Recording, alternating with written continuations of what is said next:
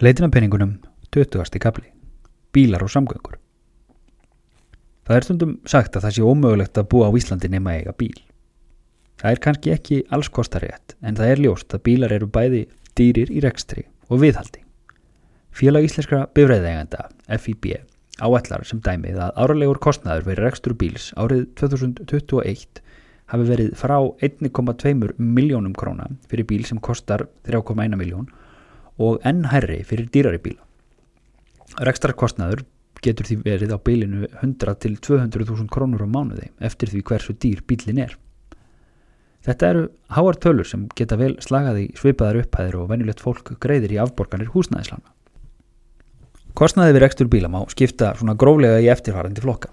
Fyrsti flokkurinn er kaup og um leið og þú kaupir og keirir nýjan bíl út úr umbúðinu þá hefur hann lækkað í virðið um svona 15 til 20%. Það er alveg gaman að kaupa nýja bíla en ef við leggjum það í vana okkar að kaupa alltaf nýjan bíl þegar við skiptum um bíla þá erum við að kasta mjög miklum peningum á glæm.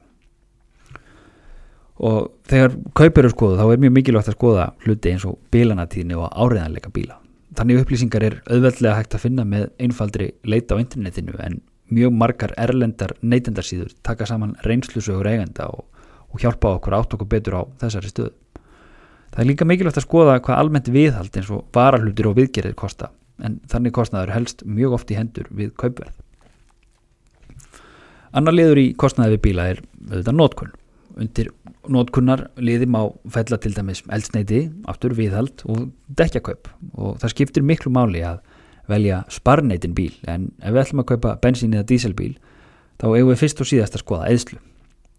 Það er hægt að spara stórar fjárhæðir með því að horfa á hvaða kostar að keira hvert kilómetra og það er ágætt að byrja á að áætla heildarækstur manns á ári og deila svo niður hver ekstra kostnaður vandanlegs bíls er miða við eðsluna. Á við af orkuseturs sem er orkusetur.is þá má reikna út þennan kostnað. Það er líka gott að rannsaka svona raun eðslu á netinu því tölur sem bílaframleðendur gefa upp um eðslu bíla er svona oftast í bestafalli draumsín að því eðslan er mæld, við mjög sérstakar aðstæður sem að oft keira eðslutölundar niður. Og það eru þetta enn betra að kaupa rafbíl eða annan reynorkubíl samanbori við bensín og díselbíla. Rafbílægjandur borga mjög lítinn eða nánast engan kostna við nótkunn bíla samanbori við bíla sem ganga fyrir bensín eða dísel. Rafbílar þurfa líka miklu minna viðhald og það þarf aldrei að smyrja það á vegna þess að það eru einfallega miklu færri hlutir í bílunum sem að snúast og slitna og bila. Rafbílar eru því miður ennþá frekar dýrir í innkaupum vegna þess að rafluður eru dýrar en við hvetjum þetta til að skoða rafbíla með mjög opnum huga, bæði fyrir veskið en ekki síður fyrir umhverfið. Þriði þátturinn eru tryggingar, skattar og skoðun. Öllum bílaægandum er skilt samkvæmt lögum að ábyrða tryggja bílensinn. Svo trygging bætir öðrum það tjón sem aukutækið þitt veldur og líka slís sem þú eða sá sem keirir aukutækið verður fyrir. Við getum líka kaskotrykt bílin okkar en þá fáum við tjón sem við sjálf völdum á okkar eigin bíl bætt til dæmis ef við keirum á í órétti eða rispum bílin eða bygglum. Í slíkum tryggingum er eigin áhætta mismikil og, og það hefur áhrif á kostnað.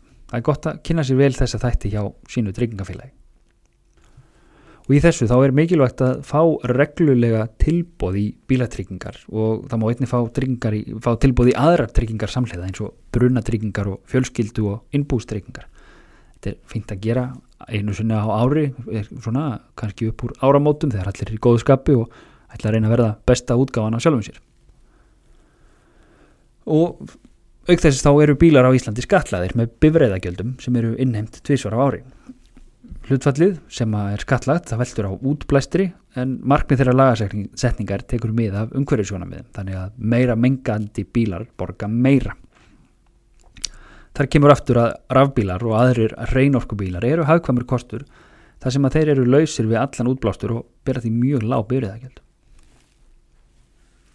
Bílar lækka í virði Bílar eru ekkert sérlega góð fjárfesting og yfirleitt allt annað en fjárfesting nema í einhverjum algjörum undantekningar tilveikum. Á mannamáli þýðir það að bílar lækka nokkuð rætt í verði eftir aldri og nótkunn. Bílar falla rætt í verði fyrstu 2-3 árin af líftíma sínum og það segir því sjálft að það borgar sig að kaupa frekar notaðan bíl heldur en nýjan.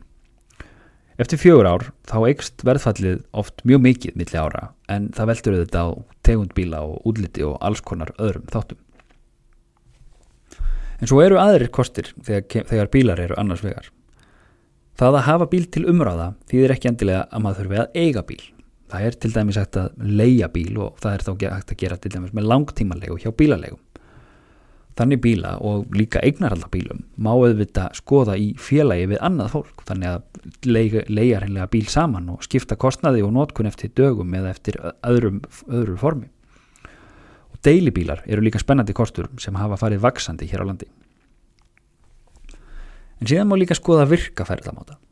Það er skinsamlegt í samhengi til dæmis búsetum að velja sér íbúð og velja sér húsnæði nálagt vinnu og tómstundum og vestlunum sem maður sækir reglulega.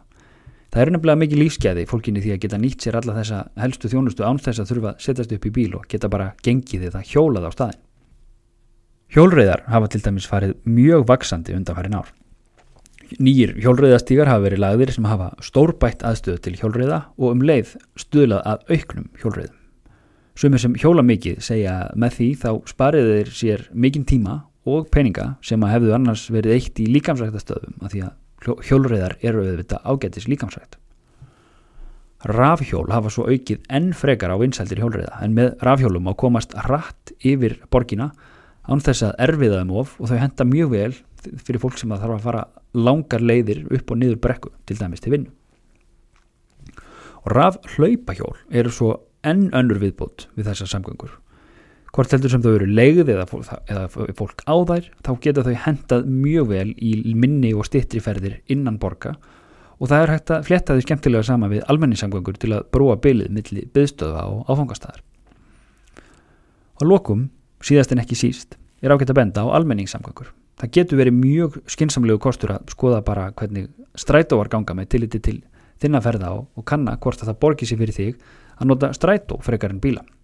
Strætó eru þetta miklu, miklu ódýrari kostur heldur en að eiga og reyka bíl. Samlega þessu má benda á fyrirhauðar framkvæmdir fyrir borgarlínuna sem verða hágæða almenningssamgöngur sem sveitarfélaguna og höfuborgarsvæðinu eru með í framkvæmd. En þar verður tíðni og skilvirkni og þægindi mun meiri en búið er upp á í núvenandi strætókerfi sem á vafalítið eftir að ebla almenningssamgöngur og auka vinsaldir þeirra.